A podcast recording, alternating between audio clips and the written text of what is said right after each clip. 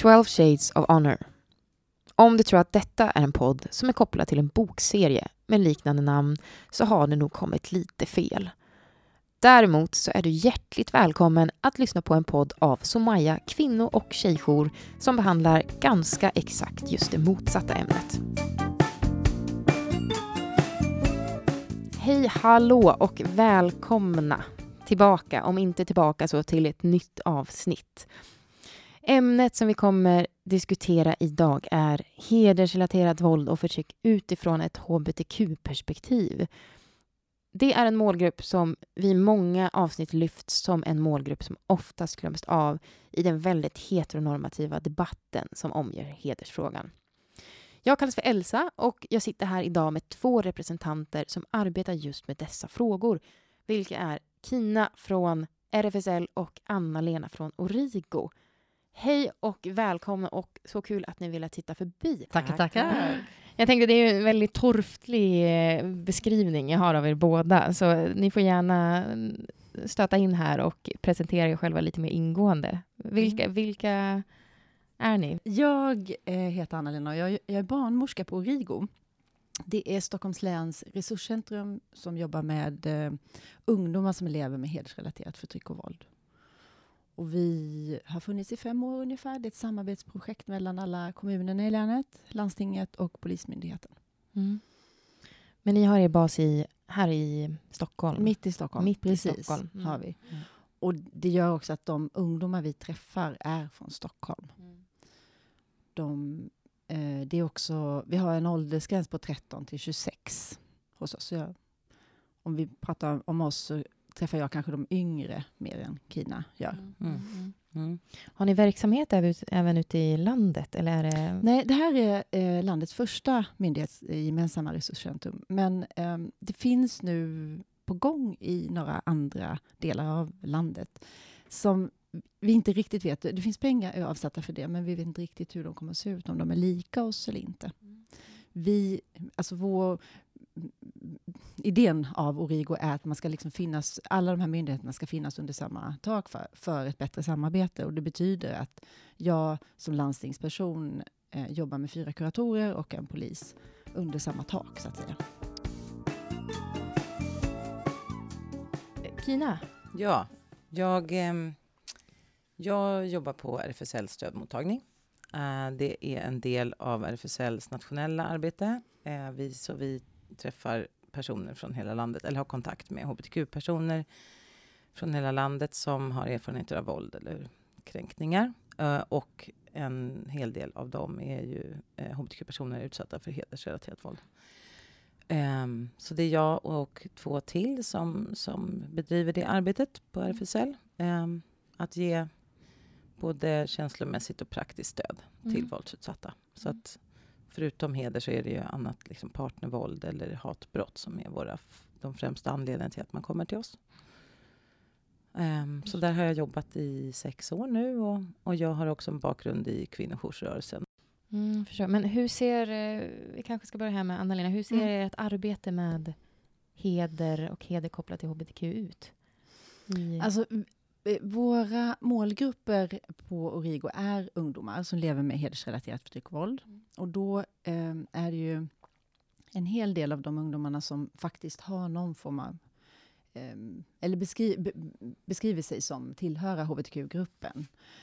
Eh, eftersom heder mycket bygger på en eh, vad ska jag säga, stereotyp eh, bild av både kön och sexualitet så är ju hbtq-personer väldigt utsatta när man kommer till heders, eller mm, hedersnormsystemet, det kollektivistiska. Så vi har en ganska stor andel ungdomar som identifierar sig som hbtq. eller hur går man tillväga för att... Mm. Antingen så kan man komma via en yrkesverksam som någon kurator på en skola eller socialtjänsten eller någon inom landstinget som hänvisar eh, ungdomen till oss. Eller så kan man ringa helt själv eller ta kontakt med oss på en helt eh, anonym frågelåda på nätet på vår hemsida. De flesta kommer via någon yrkesverksam för att väldigt många beskriver det som ett stort steg att ta hjälp. Man behöver liksom själv eh, tänka väldigt mycket innan man vågar ta hjälp. Och då mm är det väldigt bra att någon annan hjälper till. Och en av våra målgrupper är just yrkesverksamma som möter ungdomarna. Mm. Så det, det är en stor andel av ungdomarna som kommer via en yrkesverksam i Mm. länet. Har ni, men har ni både har ni jourtelefoner och chatter eller hur? Nej, vi, rent, vi är inte eh, en konkret? jour. Ja, precis. Vi är inte en jour, så vi är öppet måndag till fredag. Och vi, eh, när vi, vi har liksom ungdomar på telefon, men oftast så kommer man sen på ett, liksom ett besök. Och då kan det vara så att eh, en ungdom kommer en gång och behöver få den hjälp som den behöver. Eh, I andra fall så kan de komma några gånger. Eh, några kommer också tillbaka därför att de har, har fått hjälp med någonting och sen så är det lite lugnt ett tag och sen så händer någonting mer akut och då behöver eh, den personen hjälp. Kanske till socialtjänsten eller vidare till något annat. Och då är det sa- samtal liksom på, på vårt ställe, så att säga. Ingen chattfunktion, men däremot en del mejlkontakt har vi. Och telefon. Går det liknande tillväga hos RFSL när man söker? Nej, Vi, ja, det är en helt annan sorts verksamhet, tänker Mm. jag. Så. Men vi, vi, är ju, vi möter personer som antingen själva har sökt upp oss på några olika sätt eller blivit tipsade om att vi finns. Och då är det upp, utifrån vad den vill, om vi har kontakt på, bara på mejl eller telefon eller om den har möjlighet att komma till våra kontor på, i Stockholm och på stödsamtal, på liksom regelrätta stödsamtal.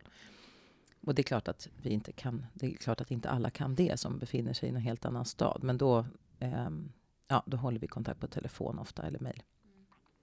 Ehm, så att eh, ja, det, folk kommer på, olik, eh, på olika vägar in och eh, vi samarbetar, alltså mycket av vår funktion är ju också att förutom att ge ett känslomässigt stöd till personer som, som vill prata om situationer som är obehagliga eller skrämmande eller relationer eller vad det kan handla om så så kan vi förmedla kontakt med andra, alltså med andra hjälpinstanser, såsom det som de flesta inte har såklart koll på. Vad finns det inom sjukvården för hjälp att få? Vad finns det inom polisen? Vill man göra en polisanmälan om något? Var kan man få tag på någon polis som man har ett namn på och som man kanske kan planera ett förhör med så att det inte blir lika skrämmande. Och, så det är mycket av den rollen vi har och, och liksom hänvisa vidare och följa med ta kontakt med andra eller Mm. förmedla till skyddade boenden. Eh, Vi har ett eget skyddat boende också. Eh, Där har det bott många hbtq-personer utsatta för heder. Det är främst den främsta orsaken ska jag säga till de placeringarna. Eh, Ser ni att det finns eh, tillräckligt med resurser, alltså delvis gällande sådana som utsatts för hedersvåld eller förtryck, men också för personer som identifierar sig som hbtq? För när vi, när vi börjar prata och planera inför det här avsnittet så funderar vi just på vilka Mm. organisationer vi skulle bjuda in eller vilka vi vill prata med överhuvudtaget. Mm. Och då kom ju RFSL och Origo upp som de självklara alternativen. Däremot kändes det Mm. som att det tunnas ur ganska snabbt efter det. Finns, det. finns det andra forum eller finns det andra stödinstanser som man kan söka sig till? Alltså, jag tänker att det handlar om, alltså resurser kan det väl vara, men jag tänker att det främst handlar om att, att man förutsätter att hbtq-personer ska vara välkomna överallt, Mm. på alla Mm. ställen. Och sen, men eftersom många hbtq-personer har ett lägre förtroende för de, de vanliga ställena, de som ofta är, utgår från mäns våld mot kvinnor, där, där man förutsätter att den som är utsatt är en kvinna och den som är förövare är en man, till exempel, när det gäller våld i nära relation, så, så söker man sig inte dit. Och då kan vi och andra behövas som den där eh, mellanledet och hjälpen Mm. in. För att som sagt, hbtq-personer ska ju inte behöva egentligen särskiljas ut från övriga befolkningen utan Nej, sexuell läggning ska ju inte ha med som, Nej. saken att göra. Men däremot eh, så kan det ju behövas extra stöd. Eh, Så vet jag att ja, vi har Mm. pratat för. Alltså Det, Mm. det är det. De, det finns en... Att tillhöra hbtq-communityt innebär kanske en extra utsatthet Mm. eh, i vissa fall som, som man behöver ha en medvetenhet om. Så jag skulle ju önska att fler var eh, hade en större medvetenhet, andra professionella hade en större medvetenhet om det och så, att det kan behövas Alltså, grund, grundstödet är ju detsamma, tänker jag, till de flesta Mm. som är utsatta. Men eh, det kan också finnas vissa situationer som är lite specifika vad det gäller hbtq-personer och heder, om det nu vi pratar om det. Jag tror att det är därför det inte pratas så specifikt om, därför att det, eh, det antas att man, man har ju rätt, alla personer har rätt till hjälp, men, men då, det är ett större steg att söka stöd som hbtq-person Mm. för många.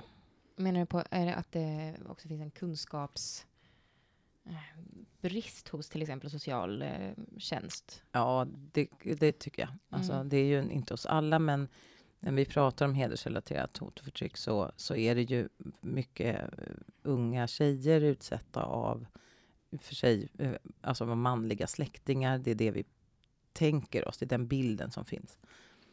Eh, och så behöver det inte se ut. Nej, verkligen inte.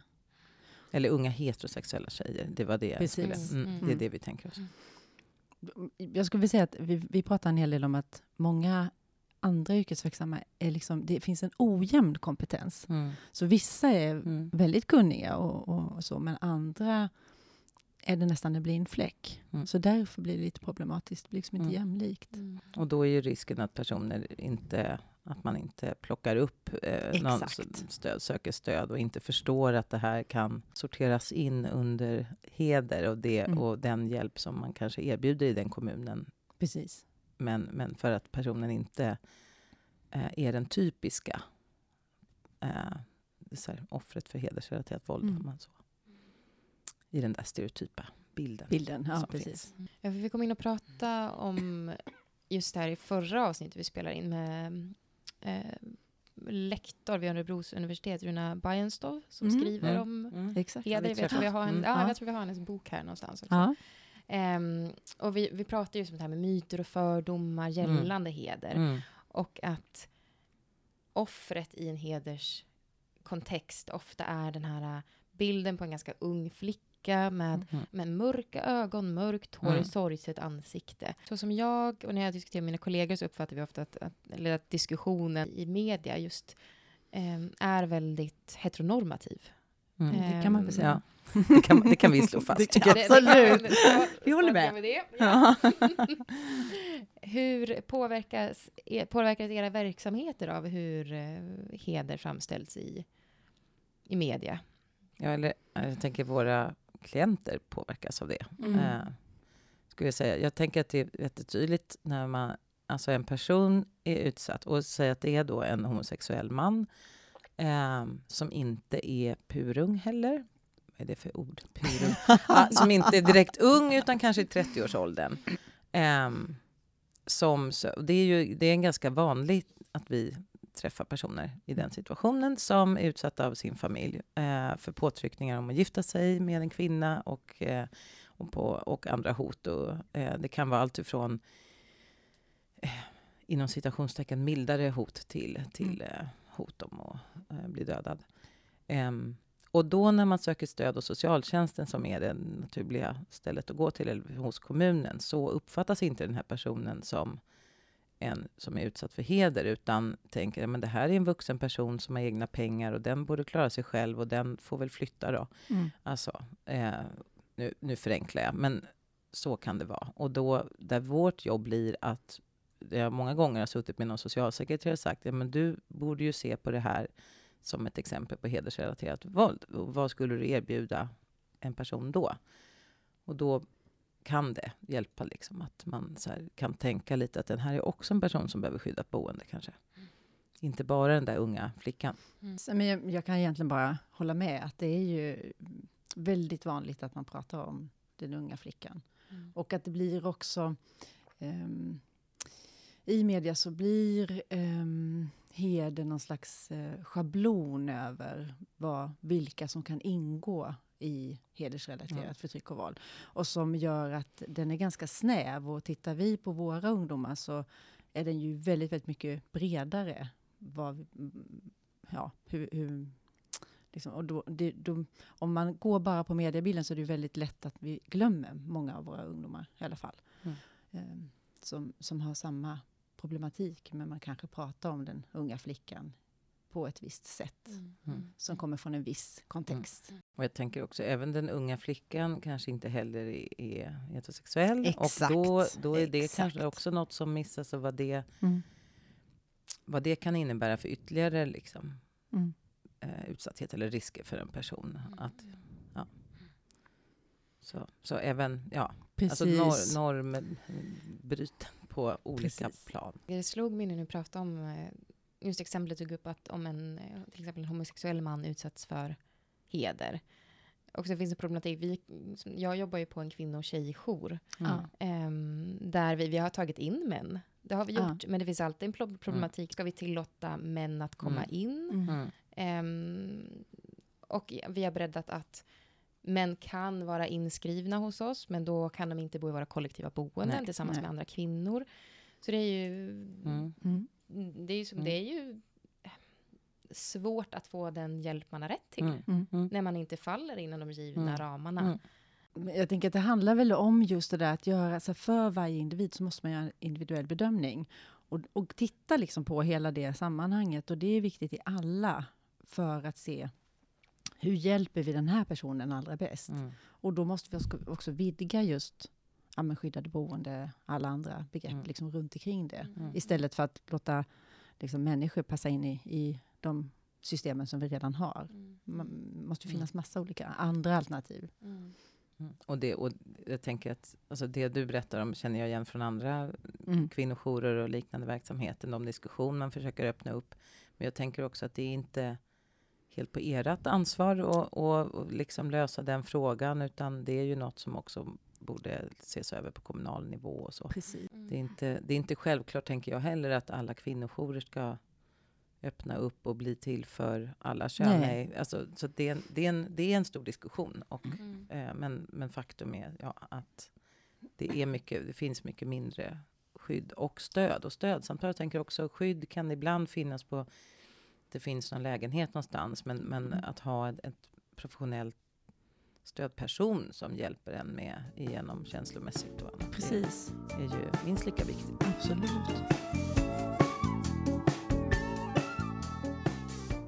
Hur, hur skulle ni se att hjälpen men gällande heder, gällande personer som identifierar sig som hbtq, som utsätts för heder, skulle se ut? Jag tänker någon slags så här, generell basutbildning. Eller liksom, dels att, att det finns en, en mer grundutbildning eh, eh, för alla som jobbar med människoyrken. Liksom, måste, alltså på, inom kom, både kommun och landstingsdel och polisen. Och att eh, jag tänker också att det handlar... alltså, heder handlar ju mycket om värderingsfrågor. Och det måste alla som är yrkesverksamma bli bättre på att kunna liksom jobba med sina egna värderingsfrågor. För annars är det så lätt att man hamnar i det jag tycker är rätt eller fel. Och, och om vi då tänker hbtq-personer i det systemet också så blir det liksom dubbelt upp. Så jag, jag tänker att vi behöver bli väldigt mycket kunskap och liksom diskussioner om värderingar runt behöver generellt sett vi bli bättre på.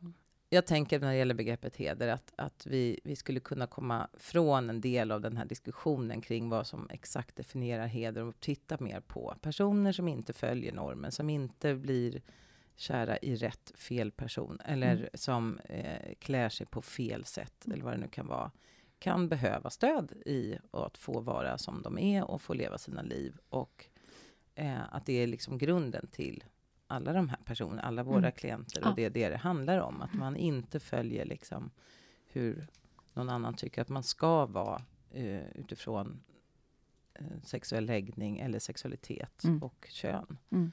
Eh, det är det som är grunden och då behöver vi, som du var inne på, vi behöver Mm. liksom titta på varje individ och se vad behöver den här. Mm. Vissa behöver skyddat boende, andra inte.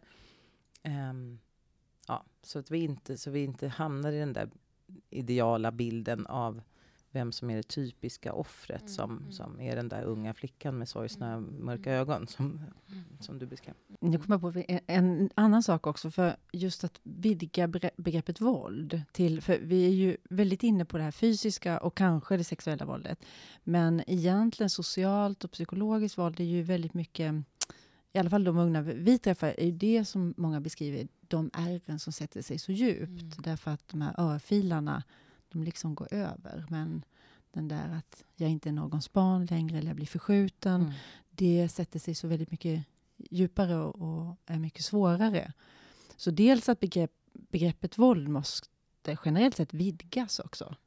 Och sen kanske prata mer om våld och konsekvenserna av våldet Mm. istället för hur liksom det själva sociala sammanhanget är. Mm. Mm, jag tror absolut samtal kring våld är väldigt nödvändigt. För det är så Mm. lätt att man hamnar också i en väldigt fyrkantig bild av vad våld är. Jag menar, en Exakt. örfil är våld. Mm. Att bli grovt slagen är våld. Samtidigt har jag haft diskussioner med, ja, men jag hade diskussioner med en, en ung tjej som var utsatt för heder. Hon menar ju på att nej men det här och det här, nej men det var ju inte våld, jag svimmar ju inte. Mm. Och det, men Exakt. samtidigt som att, det, att dra någon i håret är också former av Mm. våld. Och eh, det är som du säger, att psykiskt våld eller Mm. misshandel, det biter sig oftast fast betydligt Mm. mer. Det är ju det Mm. man sitter och pratar om Mm. väldigt mycket med de som våldsutsatta i efterhand. Mm. Precis. Jag tänker också på, alltså apropå hbtq och heder så är ju en, en sak, ehm, alltså vad jag pratar mycket med mina klienter om är ju det där förhållandet till det som är ursprungsfamiljen eller den biologiska Mm. släkten eller vad det kan vara som att, att tanken på att jag kanske måste säga hej då nu till alla och vad det innebär och förhålla sig till det. Och att när det gäller hbtq-personer så är i alla fall min uppfattning att det är ännu svårare att liksom komma tillbaka och återfå kontakten Mm. med, eh, med sin familj. Eh, och att det därmed blir kanske ett... Alltså det finns färre möjligheter att liksom reparera den här eh, skadan, skammen man har dragit över Mm. familjen. Och att det... Ja, det är ju de, de apropå våld och äh, ärren och såren över Mm. efter det, att, bli, att vara förskjuten, liksom, vad det gör med någon. Mm. Precis, för grunden om man pratar här, det är ju ofta sexualitet och Mm. kön, kön. Och det är ju det som då är liksom, nu inom citationstecken, förstört. Mm. Så, så det är ju, jag har samma tanke där faktiskt. Mm, att den går inte att reparera. Nej, det är väldigt mycket en- svårare i alla fall. Eller jag vet Mm. inte ens om jag har varit med om det. Nej, Faktiskt, Nej. i ärlighetens namn. nej.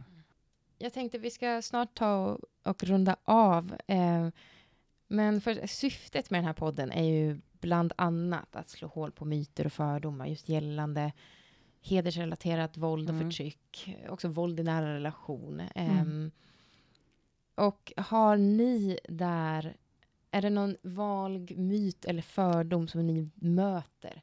Om inte dagligen, så väldigt ofta, som ni tänker att aha, ska jag vara med i en podd till exempel, som har jag kvinno och tjejjourspodd, då ska jag passa upp att ta upp, ta upp det här exemplet. Ja, men, för oss är det ju väldigt mycket det här att killar inte syns. Att här, det är ju tjejen. Och, och att, man, att det blir liksom påtala just att det är killars utsatthet. Och att det kan vara en dubbel utsatthet i det där. Att, att jag själv är en hbtq-person till exempel, men jag har ju blivit liksom uppmanad att kontrollera min syster. Så hur förhåller jag mig till det Mm. till exempel? Eh, myt vet jag inte riktigt, men att vi glömmer killarna.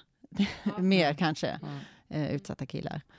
Och där kan man ju lägga till till det också det med, med ålder. Det inte heller myt kanske, men just att apropå den unga personen. Att personer över 30 kan också vara utsatta för grovt och farligt eh, hot och våld. Ehm, det tror jag vi glömmer också väldigt Mm. mycket. Jag kom på en sak till och det är att eh, det här med medias roll också, att vi op- ofta kopplar ihop det till hedersmord. Och Mm. att det är ju inte större delen. Nej. Det, det är ju den, det andra våldet som är liksom Mm. mycket mer vanligt. Mm. Och, och det kan vara viktigt Mm. också Nej, men det att påtala.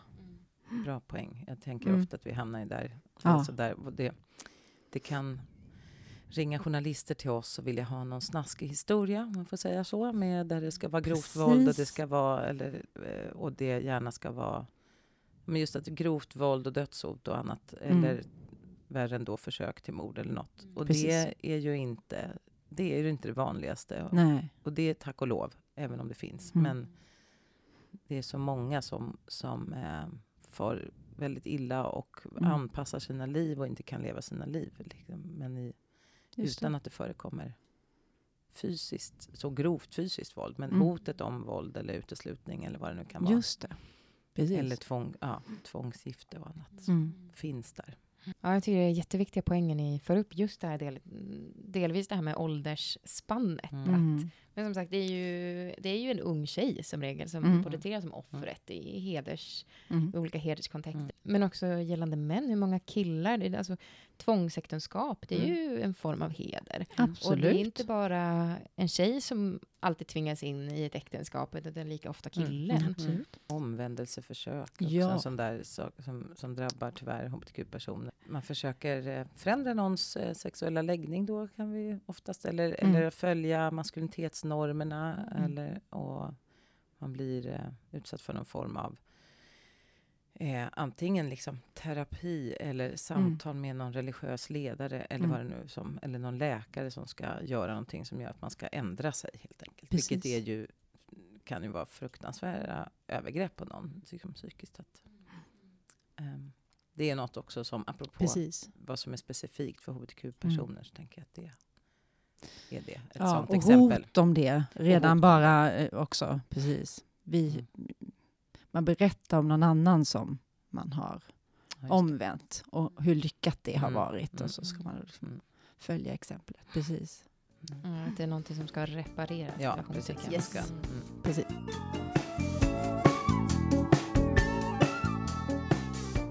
Nej, men, eh, vi vill ju verkligen, ungdomar i Stockholms län, så vill vi ju verkligen att man kontaktar, ringer oss Mm. eller kontaktar oss via um, Fråga Origo som är på vår hemsida. Mm. Eh, www.origostockholm.se. Jag, jag, jag kan ju tänka på, på vår verksamhet, RFSL stödmottagning, att vi finns till för hbtq-personer som vill liksom prata med någon eller har frågor kring något, men också Mm. för andra professionella, eller det kan vara så här, ungdomsmottagningar eller skolor eller socialtjänst som vill Mm. bolla något ärende kring hbtq-personer, så, så kanske, kanske vi har eh, lite mer koll på Mm. vilka hbtq-kompetenta och öppna för hbtq-personer um, boenden och annat som finns liksom, i landet. Så det, då får man jättegärna Mm. kontakta oss. Men eh, då får jag tacka hjärtligt för att ni ville komma och vara med. Tackar, tackar. Ja, det var roligt. Jätteroligt. Mm.